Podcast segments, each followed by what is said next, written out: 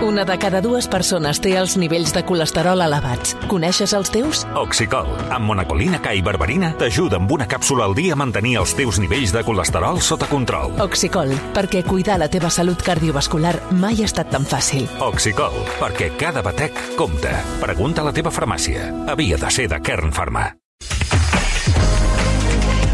La Universitat Rovira i Virgili, una universitat propera i de qualitat, t'ofereix aquest espai. Que si tu pares a pensar, no pararies de riure, eh? Quin espant de família. Bueno, anem amb, anem amb qüestions positives, perquè no tot és a l'apocalipse, eh, professor Santiago Niño Becerra, sinó també... Bueno, eh, eh, Bueno, avui, això- avui això- hem tingut notícies positives. A, a mi m'estranya. No, eh, miri, l'Organització Mundial de la Salut aparca la seva prudència habitual, que miri que són sempre molt prudents, i han assegurat que al final de la pandèmia el tenim a tocar. Així de clar s'ha mostrat el seu director general, Tedros Adhanom. Last week, the number of weekly reports La setmana passada, el número de morts setmanals per Covid va ser la més baixa des del març del 2020. Mai hem estat en una millor posició per acabar amb la pandèmia. Encara no hi som, però al final és a tocar. the end is in sight. Aquestes xifres tan baixes de les que parla Adhanom són encara, encara no, 11.000 morts per Covid a tot el món, la xifra més baixa des de l'inici de la pandèmia. Tot i això, la OMS també dona per fet que els propers mesos hi haurà més onades I pitjors. i, i, dema no, i demanen no abaixar la guàrdia. En la mateixa línia, aquest matí el conseller de Salut, Josep Maria Argimon, ha dit al món a RAC1 que cal esperar per dir que la pandèmia s'ha acabat. haurem de veure si durant l'any 23 eh, el SARS-CoV-2 es, es comporta com altres virus, per exemple el virus de la grip, que sí que el vas tenint durant tot l'any de manera puntual, anecdòtica, i que després et fa un pic en la seva temporada, en la seva estació, que com ja hem dit, l'estació dels coronavirus és final de tardor, començaments d'hivern. Jo crec que aquest és l'escenari per veure ja i poder dir que, sí, que la pandèmia ha acabat. Per tant, hem d'esperar, hem d'esperar. Hem d'esperar, però no molt, perquè ja preveu que el primer, primers de... quan arribem a, a Nadal, com a molt, com a molt tard, eh, viurem un Nadal sense restriccions i anuncia que només s'hauran de vacunar els majors de 60 anys. En principi, les persones de risc. Per tant, els menors de 60 anys interpreteu que no ens haurem de vacunar? En principi no. Veurem també com va, repeteixo, i com va evolucionar la vacuna, però en principi eh, el, la recomanació serà de 60 o més anys, començant pels de 80 o més anys. Josep Corbella, especialista, periodista especialista en ciència i salut, bona tarda. Molt bona tarda. Ben retrobat, bona. benvingut. Bueno, eh, hem de veure-ho des d'una òptica positiva, hem de ser optimistes, tal com apunta en aquest cas el, qui seria el director general de l'OMS i també el conseller Argimon. Em sembla que anem bé, no? Bueno, en sí, bona no? direcció. tot, tot apunta que sí, no? Diríem que ja li tenim allò que se'n diu el, el peu al coll. Sí, podem dir-ho així. Anem a veure. El... No arribarà un dia que ens llevarem i ens diran la pandèmia avui s'ha acabat. Això no passarà. Les pandèmies comencen de cop, perquè comencen quan arriba un virus nou en una població sense immunitat i acaben a poc a poc, perquè eh, la població el, amb el pas del temps acaba adquirint aquesta immunitat de manera gradual. On som ara? Doncs, escolta, portem, estem a punt d'entrar al quart any de la pandèmia. El, va aparèixer el virus a final del 2019, aviat es compliran 3 anys i entrarem al quart. I en aquests 4 anys, entre les vacunes i entre els contagis, la població mundial una miqueta menys a Xina, que va amb més retard, però la població mundial, i aquí a Catalunya, i a Espanya, a Europa, la població europea, hem adquirit una immunitat prou àmplia com per estar molt protegits. Per tant, sí que estem a la recta final. Bueno, doncs amb aquesta... En fi, la, la bona notícia és aquesta. La dolenta és que un informe d'experts eh, que ha estat publicat per la revista The Lancet eh, parla d'errades massives en la gestió mundial de la pandèmia i diu que els governs i l'OMS van actuar tard i malament. Hi estaries d'acord? Mira, si, si veiem el resultat, efectivament, eh, gairebé en conjunt tots plegats no ho hem fet. Uh, però també és molt fàcil uh, criticar-ho ara, a toro passat. Hem de recordar on érem quan va començar això el 2020. Això va arribar uh, com una sorpresa absoluta, ningú s'ho esperava, era un virus del qual no sabíem absolutament res, que uh, hi havia, va arribar en un món complex on països diferents van mm, aplicar estratègies diferents, tenint interessos diferents i sistemes sanitaris diferents, i cadascú, la OMS i molts governs van fer el que van poder, el millor que van poder I és una mica injust ara ficar-li el dit a l'ull a l'OMS, Mm. mm. perquè sense l'OMS hauríem estat molt pitjor. Bueno, Deixa'm afegir una cosa Sí, que sí. hem dit abans. Que acabi la pandèmia Sí. no vol dir que acabi el coronavirus. Aquest virus es queda a viure amb nosaltres. Per tant, el que tindrem a partir d'ara, com amb altres virus que han causat pandèmies en el passat, com amb virus de la grip, per exemple, és que tindrem pujades i baixades estacionals. Bueno, però viurem el... O sigui, quan tu parles i penses del que vam viure la pandèmia, sembla impossible que estiguem com estem. És a dir, sembla que, que mm, tot i que va ser molt de temps, en un curt període de temps hem pogut tornar a fer la nostra vida normal. Aquesta Home, la- ha, estat llarguet, eh? Bueno, perdona. tres anys. Bueno, sí, però... sí, però si no arriba a ser per les vacunes i no arriba a ser per, eh, en fi, per, per la ciència, potser estaríem molt pitjor ara que encara, o sigui, encara estaríem immersos en, Confinats. a, a, amb la pandèmia, no? És a dir, que aquí la, la vacunació de la, de la població també eh, no sé, què en A, pensaràs? a molts ens ha estalviat haver-nos d'immunitzar passant la infecció, que hauria estat eh, d'una manera molts, moltes més eh, persones amb malaltia greu, persones amb morts, efectivament. Però el que tindrem a final de la tardor molt probablement serà un increment important de contagis, això ho tornarem a tenir. Com també tenim im- augments importants de contagis de grip doncs, quan arribem als mesos d'hivern. Això eh, passarà. Vol dir que això ho però, tindrem. Però el que no hi haurà seran les grans restriccions que hem hagut de fer en el passat. Això ja no tornarà. Bueno, canviem de qüestió. Anem amb un col·laborat ja, perquè s'ha convertit en un col·laborat, que és el, el llançament d'aquesta- d'aquest coet Artemis, que sembla que estigui una mica agafat. Uh, ara, en principi, la propera data és el dimarts 27 de setembre. Ui. Serà la tercera, el tercer intent del llançament de- d'aquest coet. Eh, veure, primera pregunta d'un neòfit. Tant costa enlairar aquesta, aquest coet quan els russos un té la sensació que quan s'hi posen l'enlairen més ràpid o què és el que passa aquí? Mira, que no s'hagi enlairat eh, no és un fracàs. El fracàs hauria estat que s'enlairés i explotés o que anés malament el llançament. Però no en ajornar el llançament d'un coet perquè hi ha algun incident al compte enrere i esperar uns dies més per llançar quan estiguem més segurs que el podem llançar bé, això és habitual al sector espacial. Passa a la NASA, i passa a Rússia, i passa a Xina, i passa a l'Agència Espacial Europea, i li passa a tothom. Per tant, el punt on som ara no és de... O sigui, a nivell d'imatge potser fa mala imatge, però han, fet, han pres les decisions correctes, que és que estem a punt de llançar un coet, veiem anomalies, no el llancem fins que no resolguem aquestes anomalies. I quines anomalies hi han? Perquè, clar, sempre hi ha, sempre hi ha fuites. Una esquerda, una esquerda. Sempre hi ha una fuita, hi ha una esquerda, sempre anem a parar al mateix, Eh, mira, els el primer que has de problemes. tenir en compte és que aquest coet és la primera vegada que es llença. No ha volat mai abans. Amb un coet nou eh, surten més imprevistos que amb un coet que tens molta pràctica, com pugui ser l'Ariane 5, que per cert el seu primer llançament va esclatar, o com puguin ser els Soyuz, o els Proton, o els, ara els Falcon 9 de SpaceX. O sigui, quan hi ha un coet i tens molta pràctica, et dona menys sorpreses. I aquest, doncs, està donant algunes sorpreses.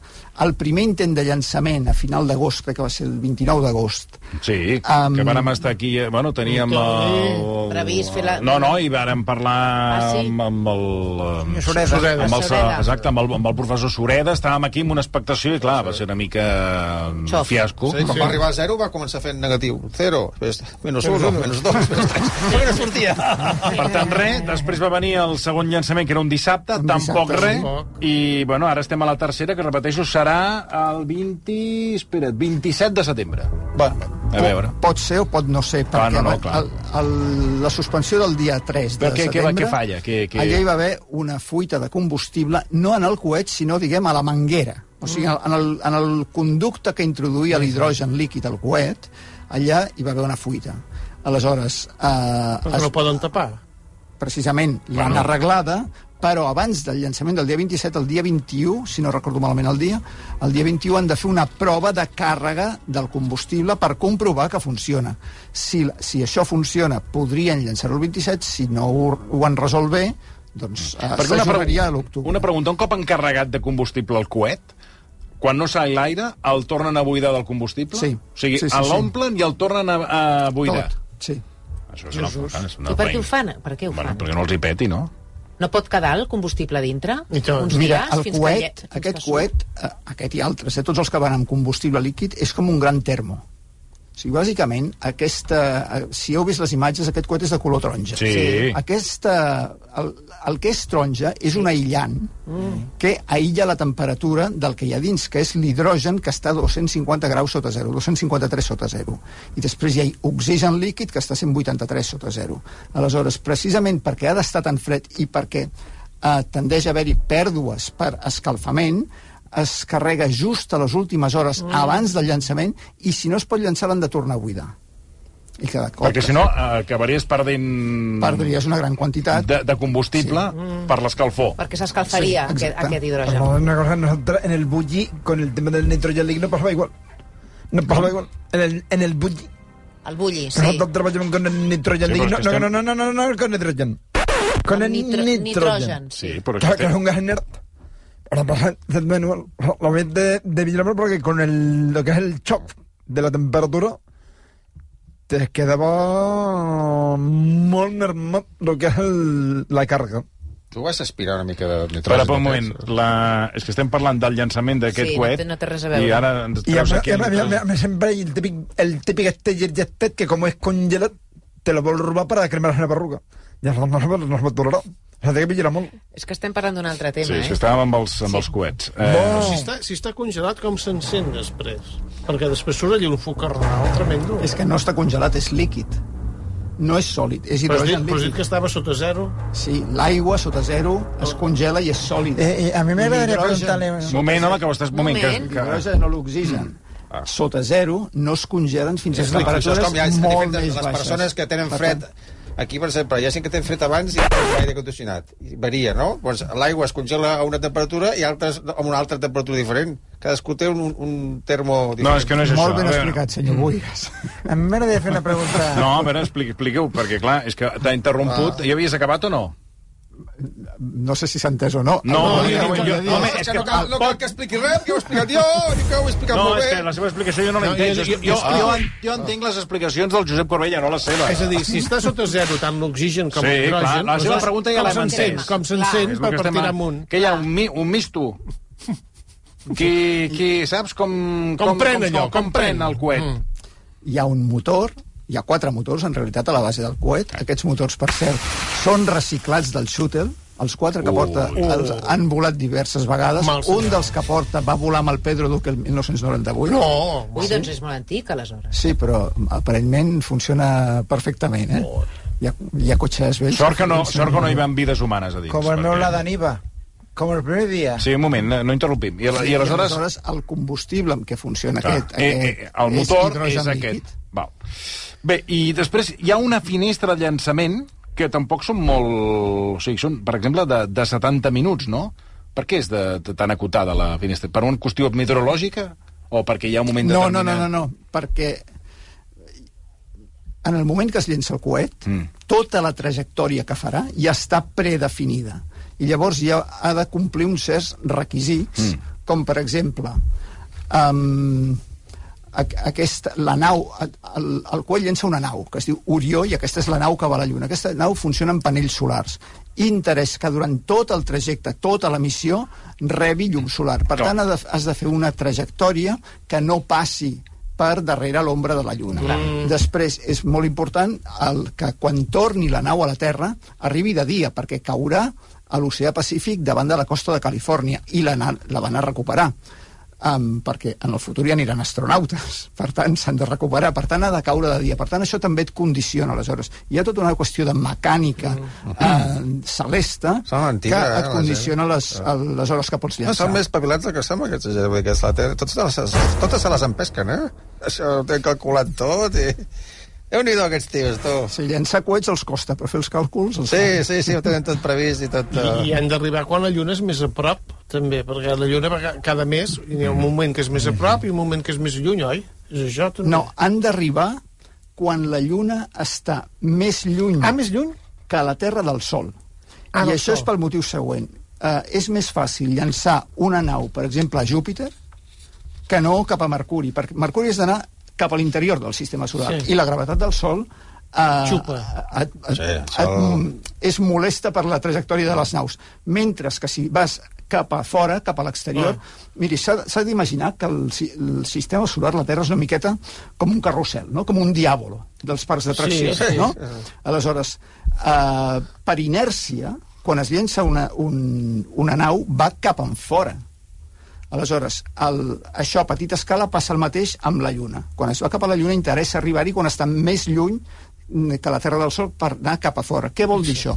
Doncs que cada cicle lunar hi ha dues setmanes, més o menys, que es pot llançar perquè la Lluna estarà diguem, més lluny que la Terra, i hi ha dues setmanes que no es pot llançar. I que t'has d'esperar que la Lluna es torni a posar a tiro.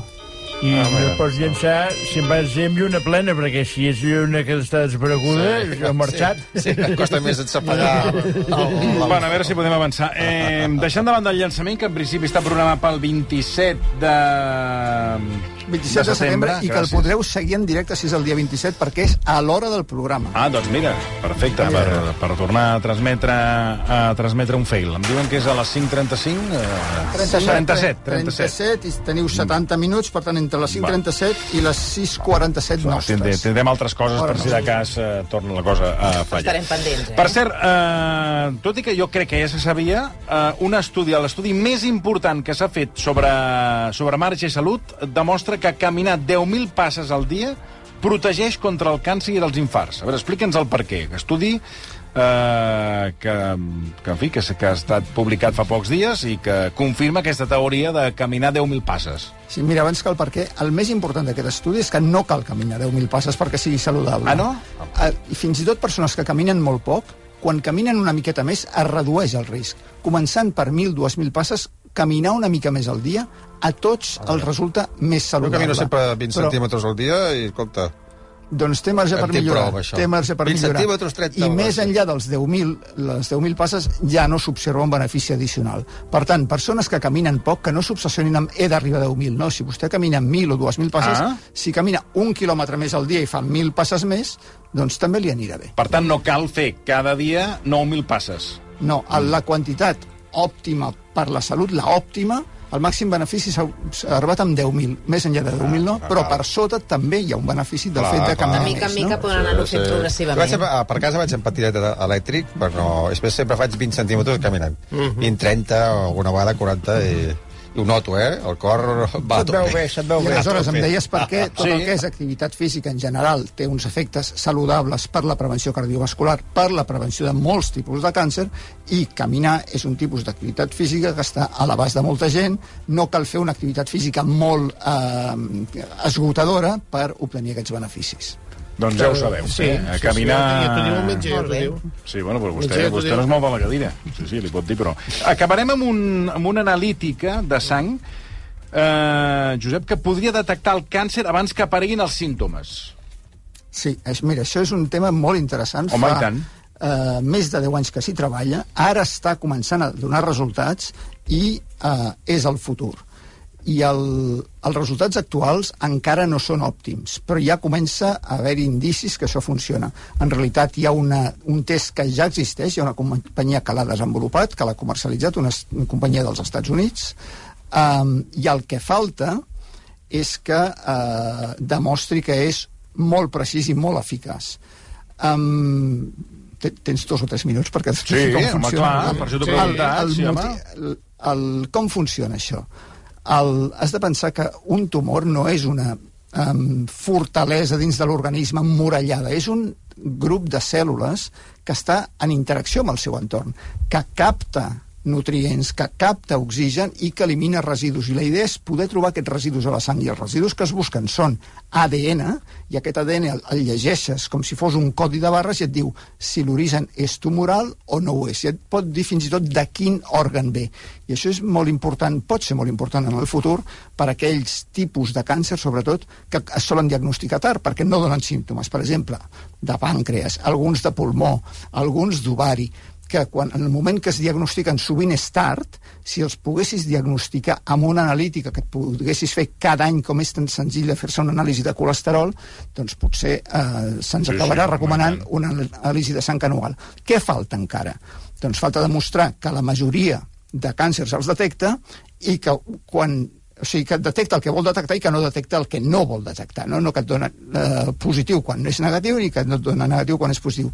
I aquí encara hi ha un cert marge de millora. Hi ha uns últims resultats que s'acaben de presentar al Congrés d'Oncologia que s'ha fet aquest cap de setmana passat a París i amb un grup de 6.000 persones han trobat 36 càncers que no s'haurien trobat si no s'hagués fet l'anàlisi. Per tant, gran resultat.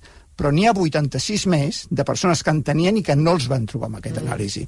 Per tant, encara hi ha marge de millora, però és el futur cap al qual anem.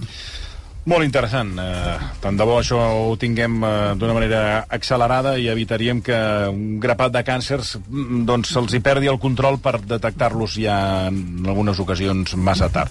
Josep Corbella, moltes gràcies. A vosaltres, les- com sempre. Eh, Josep Corbella, especialista en, eh, especialista en ciència i salut. Dèiem que són les 6 i 7 minuts. Quan tornem, a part de repassar com està la tarda, eh, Dani Anglès, a veure què ens proposa avui. Els castells ens agraden i ens emocionen, però saps quanta energia acumula un 3 de 10 amb folre i manilles? O que una catedral gòtica i un castell tenen elements arquitectònics en comú?